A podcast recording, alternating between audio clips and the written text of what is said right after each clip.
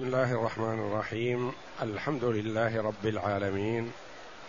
والصلاة والسلام على نبينا محمد وعلى آله وصحبه أجمعين. وبعد بسم الله أعوذ بالله من الشيطان الرجيم. بسم الله الرحمن الرحيم. أو كالذي مر على قرية وهي خاوية على عروشها قال أنا يحيي هذه الله بعد موتها فأماته الله مئة عام ثم بعثه قال كم لبثت؟ قال لبثت يوما أو بعض يوم قال بل لبثت مئة عام فانظر إلى طعامك وشرابك لم يتسنه وانظر إلى حمارك ولنجعلك آية للناس. وانظر إلى العظام كيف ننشزها ثم نكسوها لحما. فلما تبين له قال أعلم أن الله على كل شيء قدير. هذه الآية الكريمة من سورة البقرة جاءت بعد قوله جل وعلا ألم تر إلى الذي حاج إبراهيم في ربه أن آتاه الله الملك؟ إذ قال إبراهيم ربي الذي يحيي ويميت قال أنا أحيي وأميت. قال إبراهيم فإن الله يأتي بالشمس من المشرق فأت بها من المغرب. فبهت الذي كفر. والله لا يهدي القوم الظالمين أو كالذي مر على قرية وهي خاوية على عروشها. الآية.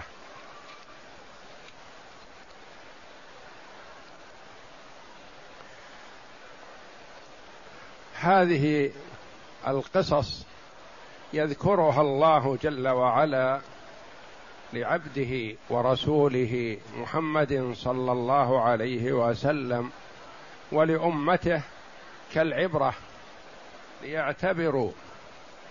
وليكون ذلك آية على كمال قدرة الله جل وعلا.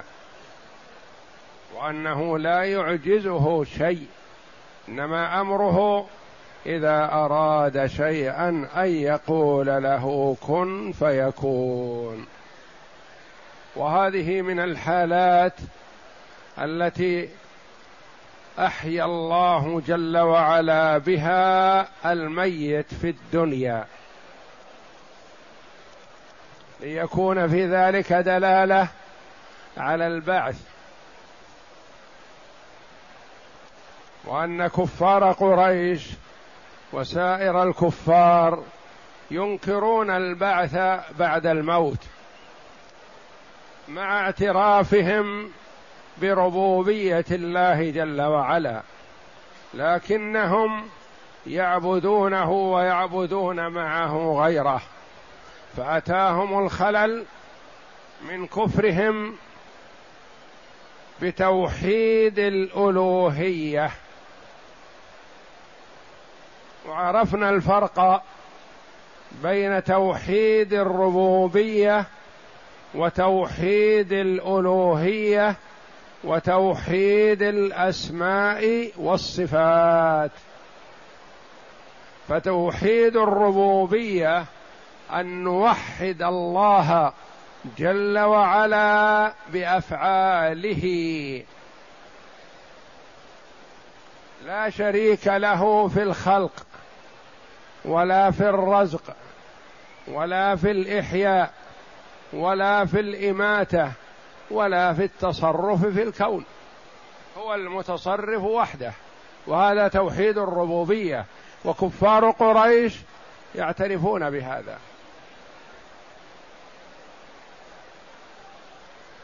توحيد الألوهية أن نوحد الله جل وعلا في ألوهيته لخلقه أجمعين أنه هو المعبود وحده. فنوحد ربنا جل وعلا بأفعالنا بالعبادة بالصلاة بالزكاة بالصيام بالحج بالأعمال الصالحة نجعلها لوجه الله جل وعلا وحده لا شريك له. وهذا هو الخلل الذي أتي منه كفار قريش يعبدون الله ويعبدون معه غيره. فقاتلهم النبي صلى الله عليه وسلم واستنكروا أن يكون المعبود واحدا حينما قال الله جل وعلا عنهم أجعل الآلهة إلها واحدا. إن هذا لشيء عجاب. يعبدون آلهة كثيرة. والنبي صلى الله عليه وسلم يأمرهم بعبادة الله وحده. حينما يلبي الملبي منهم يقول لبيك اللهم لبيك. لبيك لا شريك لك لبي لا شريك لك إلا شريكا هو لك تملكه وما ملك. لا شريك لك إلا شريكا هو لك تملكه وما ملك. وكانوا إذا قالوا لا شريك لك يقول النبي صلى الله عليه وسلم قط قط يكفي ويكفي يعني قفوا على هذا توحد الله. فإذا قالوا إلا شريكا هو لك تملكه وما ملك كفروا بالله. فتوحيد الألوهية أن نوحد الله بأفعالنا. الذي يوحد الله جل وعلا في أفعاله ثم يشرك معه غيره في بعض أفعاله الأخرى فقد كفر بالله. كما يفعل بعض الناس يصلي ويحرص على الصلاة ويبادر إلى المسجد. فإذا انتهى من صلاته توجه إلى صاحب القبر أو الضريح أو المزعوم أنه ولي فيقول يا سيدي يا مولاي يا عضدي يا ناصري افتح اشف مريضي؟ اعمل لي كذا اشفع لي إلى ربي ونحو ذلك. هذا الشرك الأكبر. مخرج من الملة مفسد للصلاة والصيام وسائر الأفعال.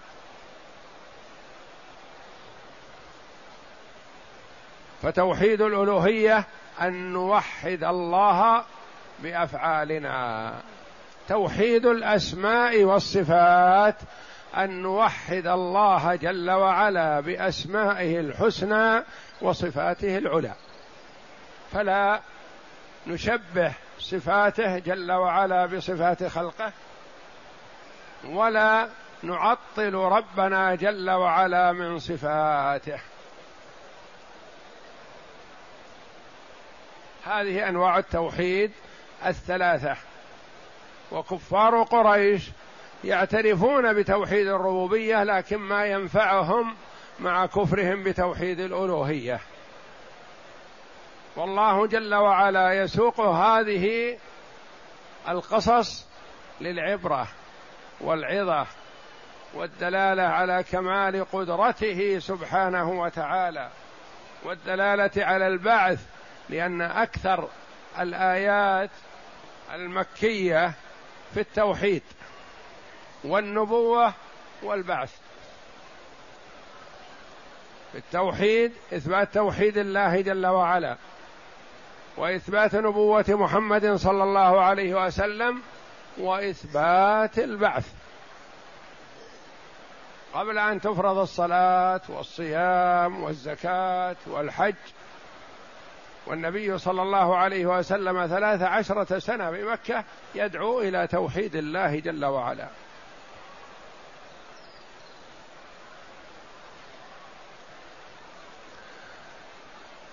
فهذه الآية الكريمة فيها بيان كمال قدرة الله جل وعلا على ما يريد سبحانه من إحياء أو إماتة أو محافظة على شيء ما دفع الفساد عما يسرع إليه الفساد.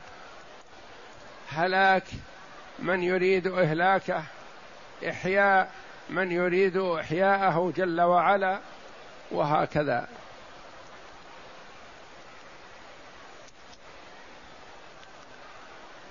ألم تر إلى الذي حاج إبراهيم في ربه؟ فيها عبرة. أو كالذي مر على قرية أو هذه حرف عطف. عطفت هذه القصة على القصة السابقة. أو كالذي مر على قرية.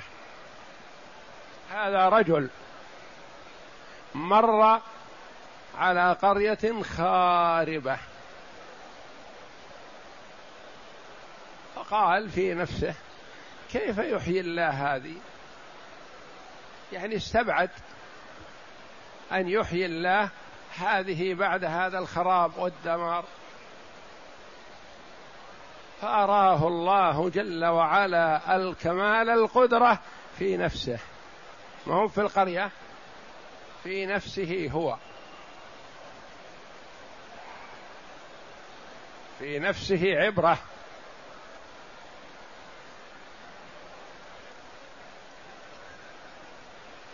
يقال أن شخصا جاء إلى أمير من أمراء المسلمين فقال له عندي فكرة باختصار القرآن. آيات متكررة يكتفى منها بآية واحدة تحفظ وتكفي.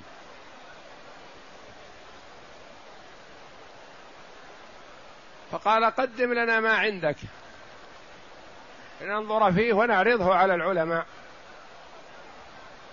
فقدم ما لديه بأن حذف كثيرا من آيات القرآن يزعم أنها مكررة لا فائدة فيها. فقدمه. ففي الحال قال له الأمير هذا المشروع نعرضه على العلماء. لكن قبل عرضه على العلماء نريد أن نطبقه على نفسك. نطبقه على نفسك. أنت أولى وأحق من يطبق فيه. كيف ذلك؟ قال عندك عينان. ما يحتاج. يكفي واحدة. ونقلع واحدة. عندك يدان. ما في حاجة إلى يدين ثنتين. يكفي واحدة. تشرب بها وتأكل وتتوضأ وإلى آخره. تكفيك وقلع واحدة. عندك رجلان ثنتان تكفي واحدة. عندك كذا أصبع يكفي واحدة. عندك كذا من الحواس حتى قضى عليه شيئا واحدة بعد الأخرى. جزاء وعقوبة له لأن الله جل وعلا تكفل بحفظ القرآن لم يكل حفظه إلى ملك مقرب ولا إلى نبي مرسل فسلط الله جل وعلا هذا الأمير على هذا الرجل المعتدي الظالم الذي يريد أن يتلاعب بكتاب الله فانتقم الله جل وعلا منه في الحال. والله جل وعلا في هذه الآية لما استبعد المرء البعث أراه الله جل وعلا ذلك في نفسه. من هذا الرجل؟ الله أعلم به. قال تعالى أو كالذي مر على قرية. كرجل مر على قرية. أقوال لعلماء التفسير رحمة الله عليهم. لكن الله جل وعلا ما سماه لنا. وما جاء أن النبي صلى الله عليه وسلم سماه قال هو فلان في حديث صحيح. فالمهم هو ما حصل من القصة سواء كان الرجل عزير كما قيل أو حزقيل أو هو الذي الخضر أو من هو الله أعلم. أو كالذي مر على قرية. وما هذه القرية؟ قيل هي بيت المقدس لما خربه بخت نصر وقيل غير هذا وقيل في جهة خراسان وفي جهة المشرق وقيل غير ذلك ولا فائدة كبيرة في تعيين القرية ولا فائدة كبيرة في تعيين الرجل من هو؟ المهم ما حصل أو كالذي مر على قرية خاوية. خاوي بمعنى فارغ وخراب. خوى خرب. وخاوي البطن خاوي من الطعام والشراب مع الصيام يقال خاوي يعني فارغ ما في شيء. قرية والقرية يطلق على المكان الذي يسكنه الناس ما يطلق على البرية على البلدة التي فيها سكان. وهذه قرية خاوية يعني خاربة ما فيها أحد. خاوية على عروشها. على قرية وهي خاوية على عروشها خاوية على عروشها. العروش هي السقوف وما يتظلل به. ولهذا يسمى الظل من النخل والعسيب ونحو ذلك يقال عريش. عريش. عروشها سقوفها. يعني ساقطة السقوف وسقطت المباني عليها. فنظر في هلاكها وما فيها أحد. وظن أو توقع أو استبعد أن تحيا وتقوم هذه المدينة وتحيا بعد هذا الخراب وهذا الدمار الذي مر عليها. قال أنا يحيي هذه الله بعد موتها. أنا يعني بعيد. متى؟ بعيد أن تحيا هذه بعدما خربها هذا الظالم اخت نصر أو غيره. لأنها ميتة لا روح فيها حية. فأماته الله مئة عام. فأماته الله مئة عام في مكانه. مات. ومات حماره الذي هو راكب عليه. ومعه طعامه وشرابه. شرابه عصير. وطعامه عنب أو تين أو كليهما.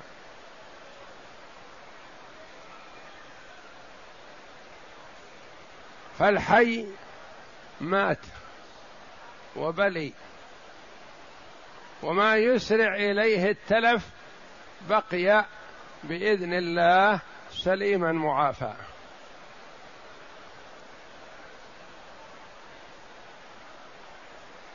فأماته الله مئة عام يعني مئة سنة. مئة سنة مات لا روح فيه. ثم بعثه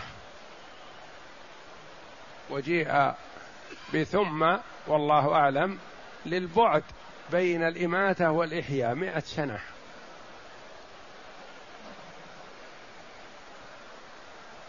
ولم يقل جل وعلا فبعثه ثم لأن ثم للترتيب والتراخي كما هو معلوم. ثم بعثه. قال كم لبثت؟ من القائل؟ قيل الله جل وعلا. وقيل الملك. أرسل الله إليه الملك بعد إحيائه يسأله يقول له كم لبثت؟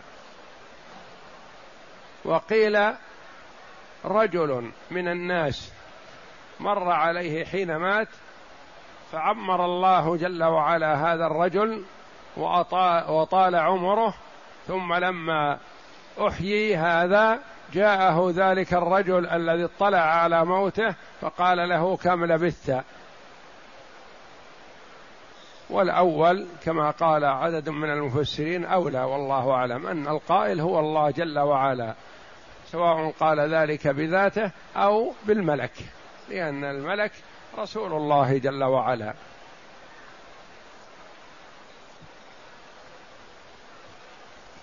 قال كم لبثت؟ كم بقيت ميت؟ قال لبثت يوما ثم نظر فإذا الشمس لم تغب. فقال أو بعض يوم. توقع أن موته هذا كان يوم واحد. لأنه كما جاء مات ضحى. فقال يوم. فلما بلج عينيه ونظر إذا الشمس باقية ما غابت. فقال أو بعض يوم. وهذا لا يكون كذب. لأن هذا حسب اعتقاده. فالمرء إذا تكلم عما يظنه الواقع والصدق ما يقال له كذب وإنما أخطأ.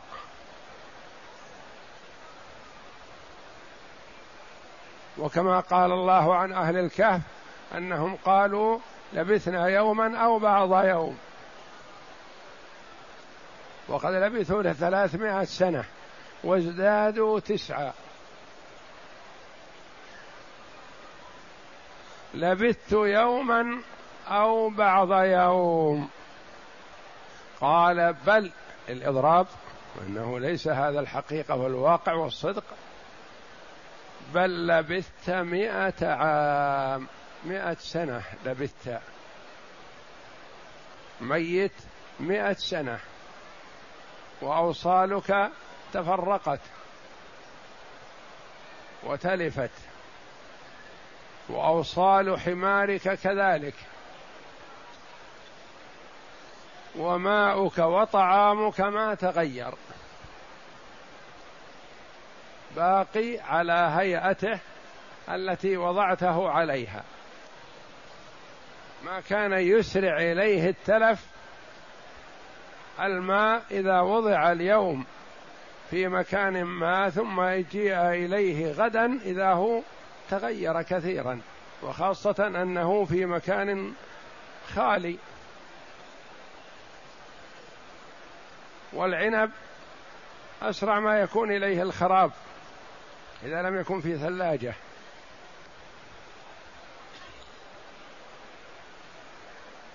فانظر إلى طعامك وشرابك لم يتسنه.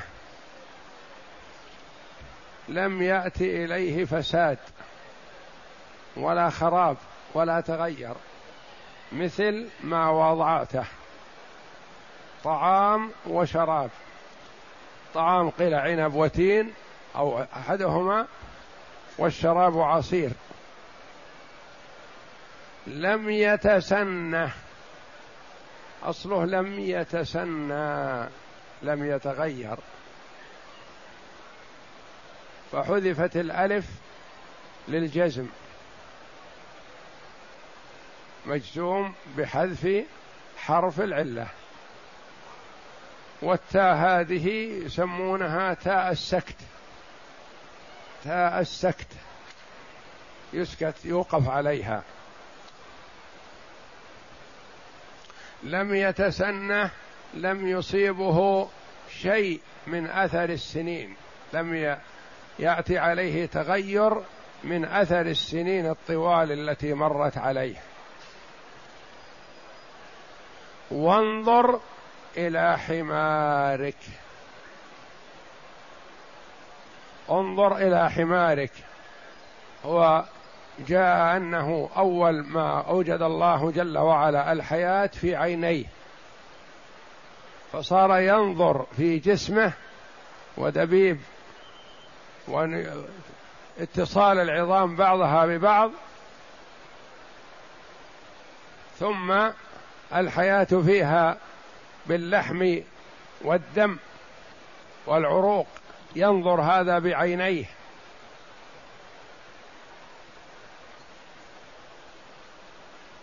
وانظر إلى حمارك. قد تلف وفني وصار ترابا. كيف يحييه الله جل وعلا؟ ولنجعلك آية للناس. ولنجعلك آية علامة على كمال قدرة الله جل وعلا. يستدل بموتك وإحيائك على البعث يوم القيامة. وأن الله جل وعلا لا يعجزه شيء إنما أمره إذا أراد شيئا أن يقول له كن فيكون. وانظر إلى العظام عظام الحمار متفتتة بالية. كيف تتآلف وتجتمع ويعود بعضها إلى بعض وتتراكب بإذن الله من غير أن يكون لها صانع غير الله جل وعلا. ما عند أحد يقرب بعضها من بعض أو يركب هذا على هذا. وانظر إلى العظام كيف ننشزها. نركب بعضها فوق بعض. النشز المكان العالي الناشف القاسي. يعني إذا صار رخو ما يقال له نشز. وإذا كان صلب منخفض ما يقال له نشز. نشز يجمع العلو والصلابة. وفي قراءة كيف ننشرها بالراء. بدل الشاء بدل الزاء. ننشرها من النشور وهو الإحياء. أو من النشوز وهو تركيب بعضها على بعض. ثم نكسوها لحما. أول عظام فقط. بعضها فوق بعض. ثم يجعل الله جل وعلا اللحم والعروق والجلد يجمعها جميعا. وإلا عظم مع عظم ما يجتمعان إلا بأن يوصل بينهما شيء. ثم نكسوها لحما. فلما تبين له اتضح الأمر له. ورأى بعيني رأسه. رأى ذلك عيانا. قال أعلم أي أنا أن الله على كل شيء قدير. اعتراف. وعلم جازم مبني على يقين واطلاع. أن الله على كل شيء قدير. قيل إن هذه القرية استمرت ميتة معه سبعين سنة. ثم هيأ الله جل وعلا لها ملك فأمره بإحيائها فأرسل إليها آلاف العمال والصناع والعمال فأنشأوها خلال ثلاثين سنة. فلما بلج عينيه إذا هي على أحسن ما يكون هذه المدينة.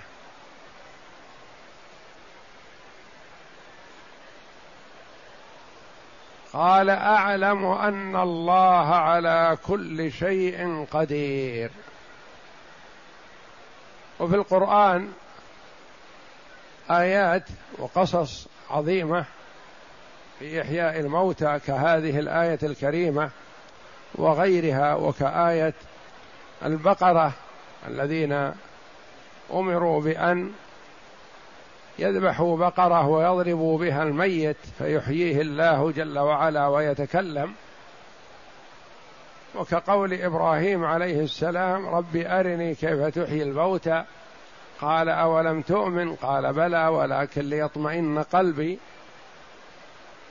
فأمره الله جل وعلا أن يأخذ أربعة من الطيور ويقطعها ويأخذ برؤوسها ويفرق أجزاءها على الجبال بعيدة بعضها عن بعض ثم يدعوها فتأتيه بإذن الله كما سيأتينا إن شاء الله. فهذه فيها دلاله على كمال قدرة الله جل وعلا وأنه فاعل لما يريد سبحانه وتعالى لا يعجزه شيء وأنه لا يحتاج كما يحتاج البشر إلى مواد وأشياء وإنما يأمر بالشيء فيكون كما أمر الله جل وعلا وكما أراد. تقدم قول الله تعالى ألم تر إلى الذي حاج إبراهيم في هو يعني في هذه معطوفة على تلك. نعم. وهو في قوة قوله هل هل رأيت مثل الذي حاج إبراهيم في ربه؟ ولهذا عطف عليه بقوله أو كالذي مر على قرية وهي خاوية على عروشها. اختلفوا في هذا المر من هو. فروي عن علي بن عن علي بن أبي طالب رضي الله عنه أنه قال هو عزير رواه ابن جرير عن ابن عباس رضي الله عنهما. وعزير الذي تعبده اليهود ويزعمون أنه ابن الله تعالى الله. وقالت اليهود عزير ابن الله تعالى الله فهو جل وعلا لم يلد ولم يولد ولم يكن له كفوا أحد. نعم. وقيل اسمه حزيقل بن بوار. وقال مجاهد هو رجل من بني إسرائيل. وأما القرية فالمشهور أنها بيت المقدس مر عليها بعد تخريب بخت نصر لها وقتل أهلها وهي خاوية أي ليس فيها أحد من قول من قولهم خوت خوت الدار تخوي خويا. وقول الله تعالى على عروشها أي ساقطة سقوفها على جدرانها على عرصاتها. فوقف متفكرا فيما آل أمرها إليه بعد العمارة العظيمة وقال أن يحيي هذه الله بعد موتها. وذلك لما رأى من دثورها وشدة خرابها وبعدها عن العود إلى ما كانت عليه. قال الله تعالى فأماته الله مئة عام ثم بعثه. قال وعمرت البلدة بعد مضي سبعين سنة من موته. وتكامل ساكنوها وتراجع بنو إسرائيل إليها فلما بعثه الله عز وجل بعد موته كان أول شيء أحيا الله فيها فيه عينه لينظر بهما إلى صنع الله فيه كيف يحيي بدنه. فلما استقل سويا قال قال الله له أي بواسطة الملك كم لبثت؟ قال لبثت يوما أو بعض يوم. قال وذلك أنه مات أول النهار ثم بعثه الله في آخر النهار. فلما رأى الشمس باقية ظن أنها شمس ذلك اليوم. فقال أو بعض يوم؟ قال بل لبثت مئة عام فانظر إلى طعامك وشرابك لم يتسنه. وذلك أنه كان معه فيما ذكر عنب وتين وعصير فوجده كما تقدم لم يتغير منه شيء. لا العصير استحال ولا التين حمض ولا أنتن ولا العنب نقص. وانظر إلى حمارك أي كيف يحييه الله عز وجل وأنت تنظر. ولنجعلك آية للناس أي دليلا على المعاد. وانظر إلى العظام كيف ننشزها أي نرفعها فيركب بعضها على بعض وقرئ ننشرها أي نحييها. قال مجاهد ثم نكسوها لحما. قال السدي وتفرقت عظام الحمار حوله يمينا ويسارا فنظر إليها وهي تلوح من بياضها فبعث الله ريحا فجمعتها من كل موضع من تلك المحلة ثم ركب, ركب كل عظم في موضعه حتى صار حمارا قائما من عظام لا لحم. لا لحم فيه يعني عظام متراكبة بعضها على بعض بقدرة الله جل وعلا ثم كساها الله جل وعلا اللحم والعروق والجلد. نعم. ثم كساها الله لحما وعصبا وعروقا وجلدا وبعث الله ملكا فنفخ في منخري الحمار فنهق بإذن الله عز وجل وذلك كله بمرأى من العزير. فعند ذلك لما تبين له هذا كله قال أعلم أن الله على كل شيء قدير أي أنا عالم بهذا. وقد رأيته عيانا فأنا أعلم أهل زماني بذلك. والله أعلم وصلى الله وسلم وبارك على عبده ورسول نبينا محمد وعلى آله وصحبه أجمعين.